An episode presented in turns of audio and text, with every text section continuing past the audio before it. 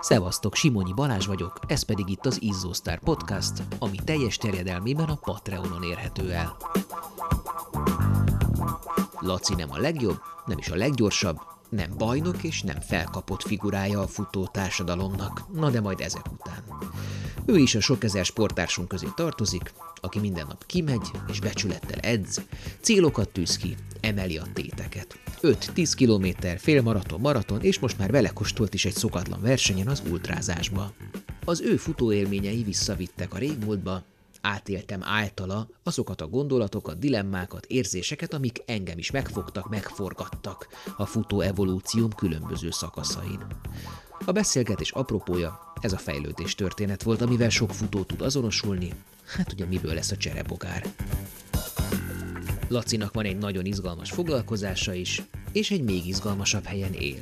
30 évvel ezelőtt, vagy 50 évvel ezelőtt csak homok volt, nem volt semmi más. Akkor gyöngyhalászatból éltek, utána felfedezték a földgázt, a, a kőolajat, és utána elindult ez az oltári fejlődés.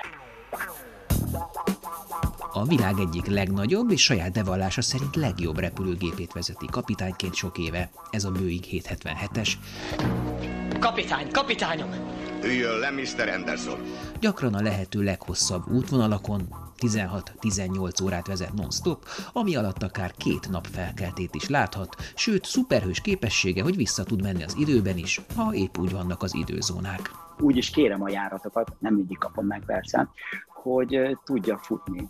Összeszámoltam, 26 különböző városban tudtam futni. Olyan helyekre jut el, száll le, fut egyet ott, amire más évekig gyűjti a pénzt és nézegeti a bakancslistán. Ő pedig már fordul is vissza. Ki gépen száll fölébe, annak térképe tá, és nem tudja, hol lakott itt Vörös Marti Mihály.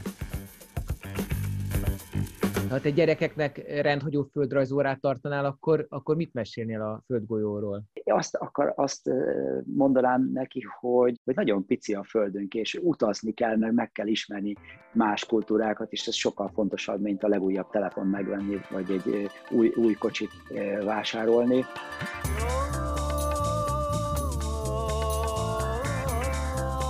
Nem csak Laci karcolja a felhőket, de olyan helyen is lakik, ahol sok felhőkarcoló van. Van olyan légitársaság a közel-keleten is, aki, aki megszabja azt, hogy milyen testtömeg indexel jelentkezhetsz. Laci Katarban él jó pár éve. Alaposan ismeri az országot annak minden színével és fonákjával. Ott nincsenek számlák, sárga csekkek, a rezsit a munkáltató fizeti, nem kell ajtót zárni, nincsenek reklámok, nincsenek választások, és az ivóvíz háromszor annyiba kerül, mint egy liter benzin. És igen, már ultraversenyt is rendeznek a sivatagban. Meleg van, tehát a július-augusztus az, az pokol, tehát napközben 45-50 fok szokott lenni. Katar az egyetlen országa a világon, aminek nincsen édesség vízkészlete. Tehát minden vizet, amit használunk, azt a tengerből sótanítanak, és sajnos Katar az az ország is, aminek egy főre jutó vízfogyasztása a legmagasabb. Olyan közbiztonság van, ami, ami elképzelhetetlen. Ferrari-val megáll a srác a, a, a, a bolt előtt, és, és motorral ott hagyja a kocsiját, a kutya rá nem néz, a PIN kódot néha elkérik a pandémiás helyzetben a boltban. Mi a PIN kód, mert ő szívesen beüti nekem. Az alkohol az, az egyik például, amit, amit nem, nem vihetsz be.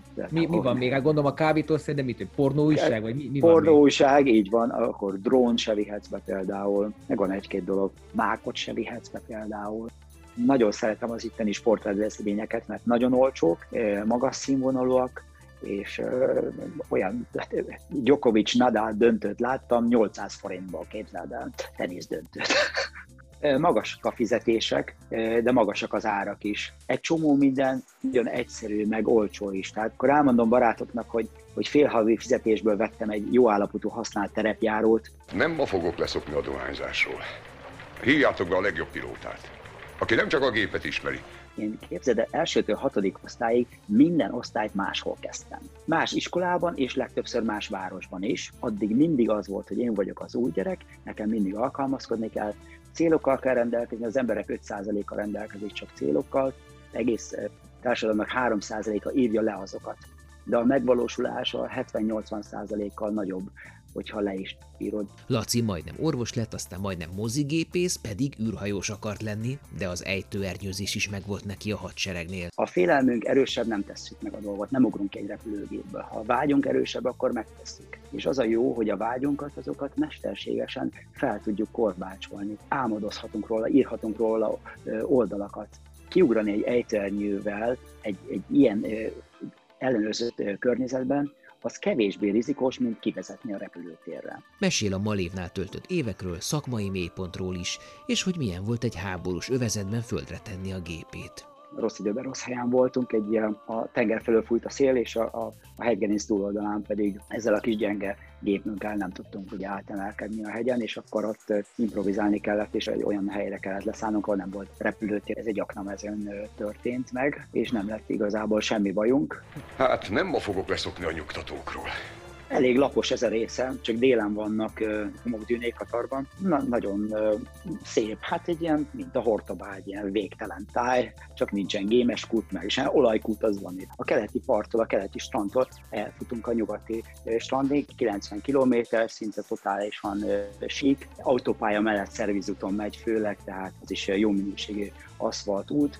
Nyilván edzek eh, rendszeresen, de nem, nem erre voltam felkészülve. A következő pont 50-nél nagyjából volt egy frissítőpont, és gondoltam, hogy ha addig elmegyek, akkor már azt mondhatom magamról, hogy én már ultrafutó vagyok, mert már, már, már a 42-ön túljutottam, és eh, hát odáig ment is, eh, de ott, ott vége lett a sztorinak. A sivatagban futni az egy nagy élmény. Mondták, hogy tartsuk itt a, a szociális távolságot. Volt olyan pillanat, amikor előre néztem, hogy 20 kilométerre senki, mögén néztem 10 kilométerre senki, meg volt egyébként futó, aki mezitláb futotta le. Azért ez egy nagyon nagy eh, terhelés volt, nekem nagyon, és hogy az ember úgy hiszi egy ilyen ultra után, hogy, hogy, hogy mindenre képes. Én ezt az ejtőgyőzésben tapasztaltam meg, eh, hogy úgy, úgy kicsit tartunk tőle, megcsináljuk. Én ettől nem tartottam, eh, de életem egyik legnagyobb kihívás volt, hanem a, a, a, a legnagyobb. Mit tud egy pilóta átmenteni a munkájából a futásába mentálisan, fizikálisan egy olyan szakmából, ahol a robotpilóta pontosabban vezet, de az emberi a végső felelősség?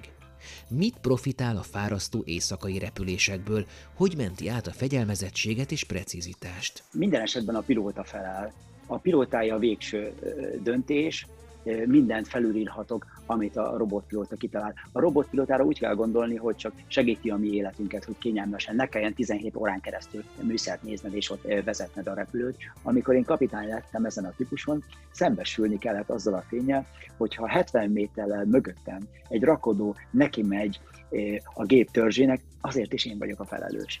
Segítség, süllyedünk! Rep 001 Bábel torony, zavar az űrfiú? Nem, csak az űr a zavar. A város határában csökkentsétek a segítséget 50 km per órára. Repülök! Vezérsíkcsere. Sak. Általában 3-4 percet vezetünk mi manuálisan, a többit, a többit azt pedig a robotpilótára bízzuk. Elég, elég jó díj, nem? Akkor így... Az emberek azt nem veszik észre, hogy nekünk a, a, a, nem az az elsődleges feladatunk, hogy a repülőgépet vezessük, hanem az, hogy menedzseljük ezt az egész történetet. És azt lehet mondani, hogy a légikatasztrófáknak a, a 80%-a emberi hibára vezethető vissza, de egy hiba láncolat. Ezt is tanítják, ezt, ez, ez egy tantágy nálunk, együttműködés a fedélzeten. Beszélünk még a középső gyerek szindrómáról, ami állandó késztetést jelentett, hogy jobb legyen mindenben.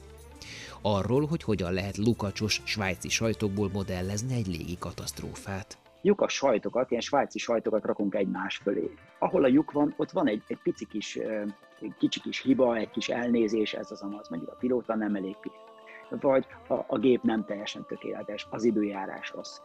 És amikor a, ez a sok lyuk véletlenül egymás fölé kerül, azt így át lehet, át lehet így szúrni. Na, ez van benne a hírekben. Miért magyar sajátosság az, ha megtapsolják a leszállást a fapadoson? És miért tülekednek a beszállításnál az emberek, ha fix helyük van? És mi az, ami narancssárga és gömb alakú, Hát persze, hogy a fekete doboz. Például az is egy szokásom, hogy, hogy nem iszok alkoholt, amikor utasként repülök. Így van esély, hogyha bármi van, akkor be tudjak segíteni.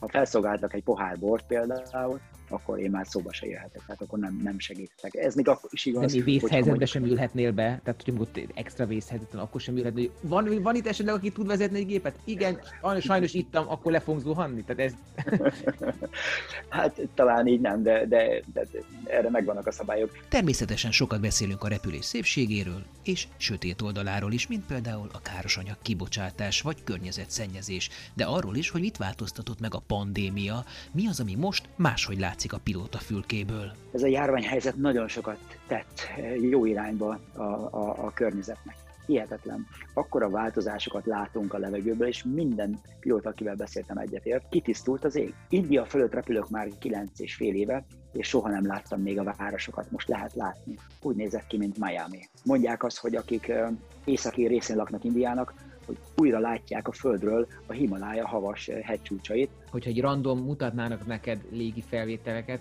meg tudnád mondani, hogy hol készült? Szerintem igen, igen, nagyon, nagyon más. Hát nyilván, ahol mondjuk így ö, medencék vannak, ö, az semmiképpen nem lehet Banglades például. ahol sűrű pislákoló fények vannak, nyilván az, az, az Ázsia, India. Egy hold felkelte például, az egy különleges a levegőből. Vagy hát egy csillagos éjszaka, nézzük ott a csillagokat, a különböző bolygókat, ilyesmi. Ö, Nagyon-nagyon szuper. Himalája fölülről szenzációs, Grönland a kedvencem, Nem áltatom, Mr. Pine a csősz? Kifutunk az időből. Kiver a frász is ilyettemben. Szégyelhetné magát, és ne szólítson Verának. Ugye a Malévnál bennünket megtanítottak jó értelemben repülőt vezetni, gazdaságosan vezetni a gépet, tehát mi nem rakjuk ki 20 mérföldön ki a futóművet, mert, mert mások szerint az úgy biztonságos, hanem megtanultuk azt, hogy hogyan lehet folyamatosan süllyedni. Tehát mint pilóta minden járaton egy-két üzenya- üzemanyagot meg tudok, és igyekszem meg is spórolni egyébként. Az, amit mi csinálunk, ez egy, ez egy favágás, de ha belegondolsz, hogy mondjuk reggel leszállsz egy éjszakai útról, és még aznap este vissza kell menned keletre, mondjuk Kínába. Annyira nagyon nem élvezik. Szeretem a repülést, nagyon, nagyon sok minden szépet látunk, és nagyon sokat köszönhetek neki. Akár a Malévnek, akár a Katali légitársaságnak, de már ez más. Tudom, a mostani ínséges pandémiás időszakban két dologról lehet a legkínzóbb hallani nektek, futóversenyekről és szabadon utazgatásról. Fogjátok fel ezt egy varázslatos körképnek, izgalmas belterjes kalandnak, ahol Kis László lesz a kalauzunk. Érdekel a két órás adás? Akkor szállj be a finanszírozásba, legyél patronálója a 10 éve fennálló blog és podcast működésének, és férj hozzá további extra tartalmakhoz is írott, vizuális vagy hangi formában, amíg a futás vonzás körzetében levő izgalmas alakokkal, alakokról készülnek. www.patreon.com per nem azért.